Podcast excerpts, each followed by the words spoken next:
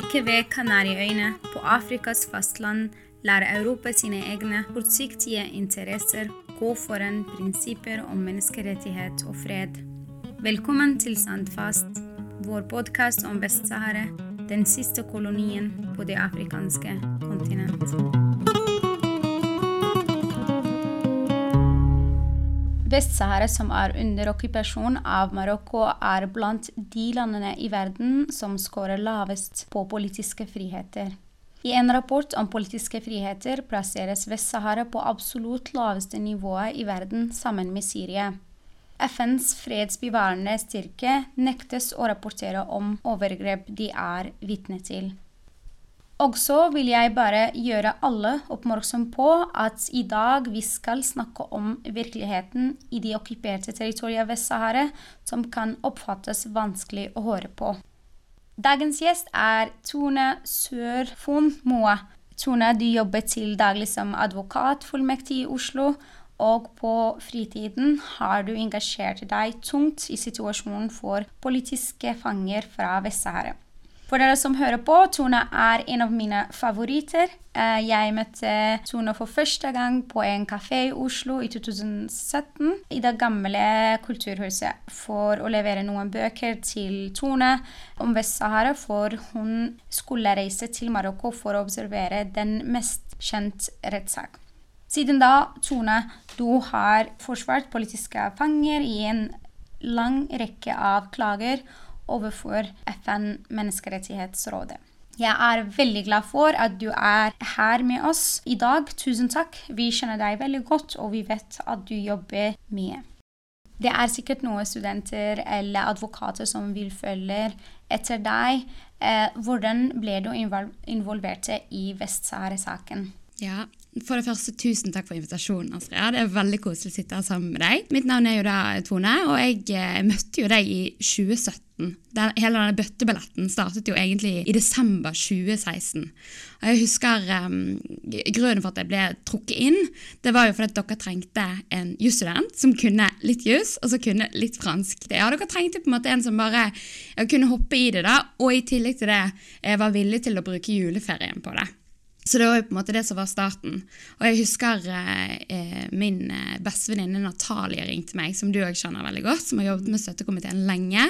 Ringte meg og bare 'Tone, jeg tror dette er helt riktig for deg. Du må bare gjøre det.' Og jeg bare 'Kanskje det er skjebnebestemt? Vi må bare hoppe på det flyet', da. Og det var jo sånn dette startet. Jeg husker jeg reiste ned som var på en måte mitt første møte med Vest-Sahara-konflikten. Altså, jeg visste på en måte ikke realiteten til det som faktisk skjer med det sahrawiske folk. Og jeg husker når jeg reiste ned, så visste jeg liksom ikke hva jeg kom til å ta møte. Det var, jeg var jo en norsk jusstudent på det tidspunktet, og jeg vant med du vet, den, den norske rettsstaten, mm. norsk demokrati. Så det som møtte meg, det satte meg egentlig helt ut av spill. Jeg var helt sjokkert over alt som jeg så, alt jeg ble fortalt. Og den, juleferien der, det var jo egentlig den eneste gangen jeg skulle reise ned for å observere rettssaken. Jeg skulle reise én gang, og så var det liksom, så skulle jeg begynne å jobbe hos eh, et annet advokatfirma på det tidspunktet.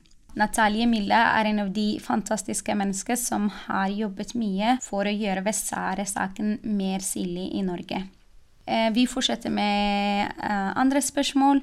Under den rettssaken i Marokko ble du kjent med sahrawis, særlig å møtte familier til de politiske fanger.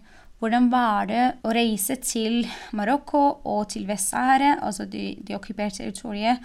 Hvordan var det å bli kjent med saharawiene, deres kultur og deres historie med okkupasjon? Det var ekstremt eh, sterkt. For jeg visste på en måte ikke hva jeg reiste til. sant? Og jeg kom inn der som, ja, som, som norsk student og visste at det var en gruppe fanger som hadde blitt arrestert, sittet i fengsel på det tidspunktet i, i, syv år. At de hadde blitt eh, torturert når de ble arrestert, og at disse mennene her var vilkårlig fengslet. Men jeg visste jo ikke omfanget. Jeg husker når jeg satte foten inn i denne rettssalen for første gang, så ble vi jo møtt med Alle observatørene ble på en måte delt opp for seg, og så sto vi alle sammen med ti politimenn rundt oss og ble forhørt. De prøvde å nekte oss inngang til, til rettssalen. Og dette var jo mitt første møte med marokkansk politi. Og de visste navnet mitt, de visste hvilken språk jeg snakket, de hvilke, visste hvilken skole jeg gikk på, hvor jeg var fra. Så det var jo ekstremt truende og ekstremt skremmende. Har du en spesifikk historie som gjorde et stort inntrykk på deg? Det var siste dagen i eh, romjulen. Dagen før jeg skulle ta flyet hjem igjen til Norge. Så kommer det en dame til meg, en eh, voksen dame, som tar hånden min og sier på Sania jeg har så lyst til å fortelle deg historien min. Kan jeg være så snill å få lov til det? Og jeg husker jeg satt meg en følelse av at jeg har allerede tatt inn over meg så mye. Jeg vet ikke om jeg klarer å ta inn over meg mer lidelse. Men jeg tenkte selvfølgelig skal jeg høre historien din, for hun hadde behov for å fortelle.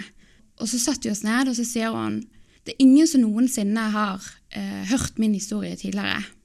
Dette er første muligheten jeg har til å møte en, en internasjonal observatør og fortelle hva som faktisk skjedde med meg. Så hun satt der, og så, før hun i det hele tatt begynte å snakke, så begynte hun å grine. Dette var en voksen sahrawisk dame eh, som var en, eh, en aktivist og som hadde stått bare dagen før og holdt sånn sterke taler i en stor forsamling med masse menn. Så jeg ble jo først helt sjokkert over at hun begynte å grine. Så fortalte hun meg at eh, i 1975, når krigen brøt ut, så hadde hun blitt arrestert eh, sammen med, eller arrestert, hun hadde blitt kidnappet sammen med sin mor av eh, marokkansk etterretning. Eh, og moren hennes på det tidspunktet var en, en kjent aktivist i Lyon, og hun var 16 år og hun hadde blitt eh, kidnappet sammen med sin mor, tatt til et skjult fengsel ute i ørkenen og blitt torturert sammen med sin mor. Eh, hun fortalte om hvordan både hun og sin mor hadde blitt hengt opp i taket for å bli torturert, og hvordan begge to hadde blitt hengende i denne posisjonen i eh, Hun husket egentlig ikke hvor lenge, men hun sa i minst en uke. Og blitt eh, voldtatt mens de hang i denne posisjonen. Og etter en uke så sa hun at mens hun hang der, så vidt ved bevissthet, så røsket det som hang moren til taket. Mm. Og moren havnet i bakken med hodet først og døde. Hun sa hun, hun hang der fortsatt og, og skreik om hjelp. Eh, og moren ble tatt ut, og hun vet egentlig aldri hva som skjedde med moren sin. Og har jo heller aldri blitt etterforsket. Og det er ingen som har blitt holdt ansvarlig. Og dette, denne voksne damen da, som har gjennomgått så mye lidelse, satt der og fortalte denne historien og grein. Men eh, for hun så var det som sagt veldig viktig å fortelle. Hun hadde aldri kunnet fortelle dette før. Hun hadde aldri fått noen form for rettferdighet. Og så sa hun på slutten jeg ønsker en, en fredelig løsning til denne konflikten. Marokkanerne er ikke min fiende. Det er staten Marokko som er min fiende. Og de er mine brødre. Og jeg bare vil at verden skal vite min historie. Og så når jeg satt på flyet hjem igjen da, så tenkte jeg søren heller, du kan ikke bare slutte når du har fått, uh, blitt fortalt en sånn historie. Vi alle sammen har et ansvar for å fortelle dette videre. Hva det inneholder å være en observatør eller ansvarlig for klagene for en FN, hva er de sakene du uh, jobbet med, og hva betyr i praksis å få et svar fra FN? Ja, Altså Dette startet jo med at jeg var en, en rettssaksobservatør, og det gjorde jeg jo som jusstudent. Og som en rettssaksobservatør så skriver du jo egentlig rapporter på hvorvidt du mener at disse fangene fikk en rettferdig rettergang. Du gjennomfører intervjuer med familiemedlemmene og med fangene hvis du får kontakt med dem, for å høre hva som egentlig skjedde. Og nå har jeg jobbet med dette i eh, over fire år. Men, eh, men, grunnen for at jeg gjør det, er jo, er jo fordi jeg, jeg på den ene siden bryr meg vanvittig mye om disse menneskene som jeg fikk, fikk, lov til å møte, og som faktisk fortalte meg historien deres. Sånn som du sier, Det er ikke normalt at disse voksne damene forteller en så hjerteskjærende historie. Så for meg så var det veldig viktig å faktisk gjøre noe når jeg hadde fått lov til å få dette innsynet. Eh, så det startet jo som rettssaksobservatør, som jusstudent, og så på et eller annet tidspunkt så klarte jeg å fullføre jusstudiene og da fortsetter jeg jo med å, å, jobbe på saker med politiske fanger. Og Bakgrunnen for at jeg valgte å jobbe med saker for politiske fanger, er pga. at Marokko bruker vilkårlig fengsling som et av sine systematiske redskap for å holde nede befolkningen som lever under okkupasjon. Med det så mener jeg at hvis du fengsler faren til en familie hvor du har fem barn og en kone, så fengsler du den som kommer med mat på bordet til hele familien. Og dermed så eh, undertrykker du òg hele familien og får hele familien til å være stille. For det, det sprer en sånn frykt i samfunnet. Så Marokko bruker dette som et redskap, og dermed så var det viktig for meg å fortsette å jobbe med politiske fanger. nettopp på grunn av det. Eh, men den første saken jeg, eh, jeg jobbet på, det var saken til en som heter Daudi. Og grunnen for at det ble min første sak, det er fordi at det er onkelen til eh, Leila som var min oversetter, eller har vært en av mine oversettere i, i fire år.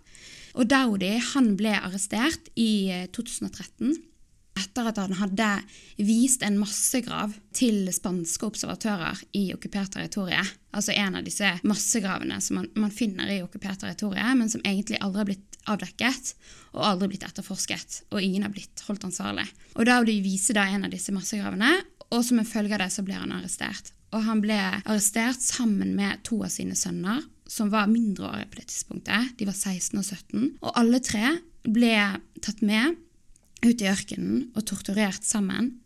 Dvs. Si at faren ble torturert foran sine sønner, og sønnene ble torturert foran sin far. Helt naken. I en uke. Og alle tre ble tvunget til å signere tilståelser, som da senere ble brukt mot dem.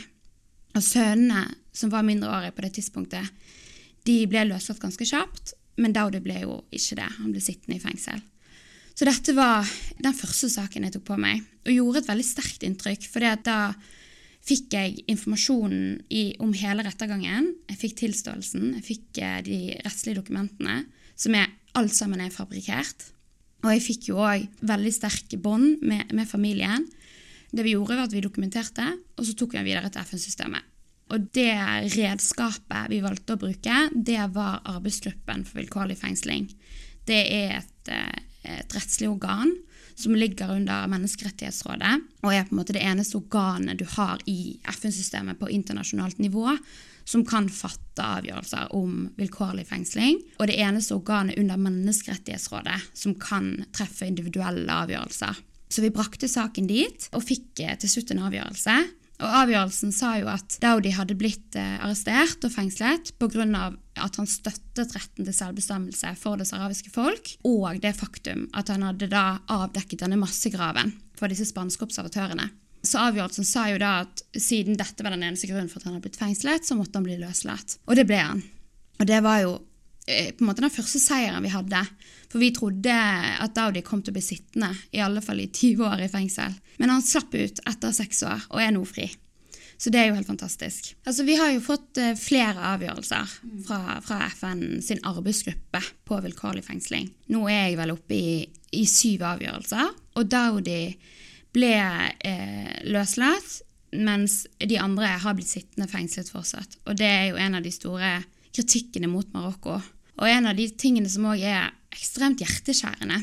fordi at når vi tenker på en rettsstat, sant, så begynner vi jo i bunnen med de lokale mekanismene vi har. Mm. I Norge vil vi jo starte med tingretten, og så vil vi gå til lagmannsretten, og så Høyesterett, og så vil du gå til EMD, og så kanskje til FN. Men det er lang vei å gå. Sånn at grunnmekanismen din er jo at de lokale mekanismene dine fungerer. Det gjør det ikke i okkupert territorium.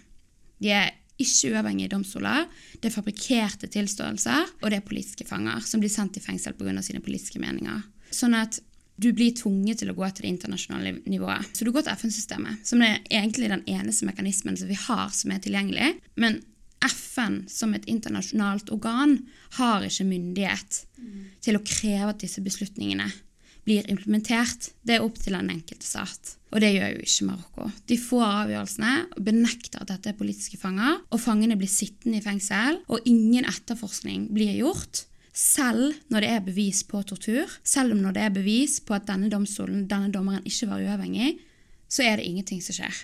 Og det vi attpåtil ser, er at de fangene som bringer sin sak til et internasjonalt nivå, som er den eneste mekanismen som er tilgjengelig, de blir utsatt for avstraffelse pga. at de leverte inn denne klagen. Og det er jo egentlig en av de tingene som er aller mest vanskelig å jobbe med. Pga. at som jurist så har jo jeg òg et ansvar for å sørge for at mine klienter, eller de jeg representerer, er klar over den risikoen de tar, men òg å prøve å holde de beskyttet.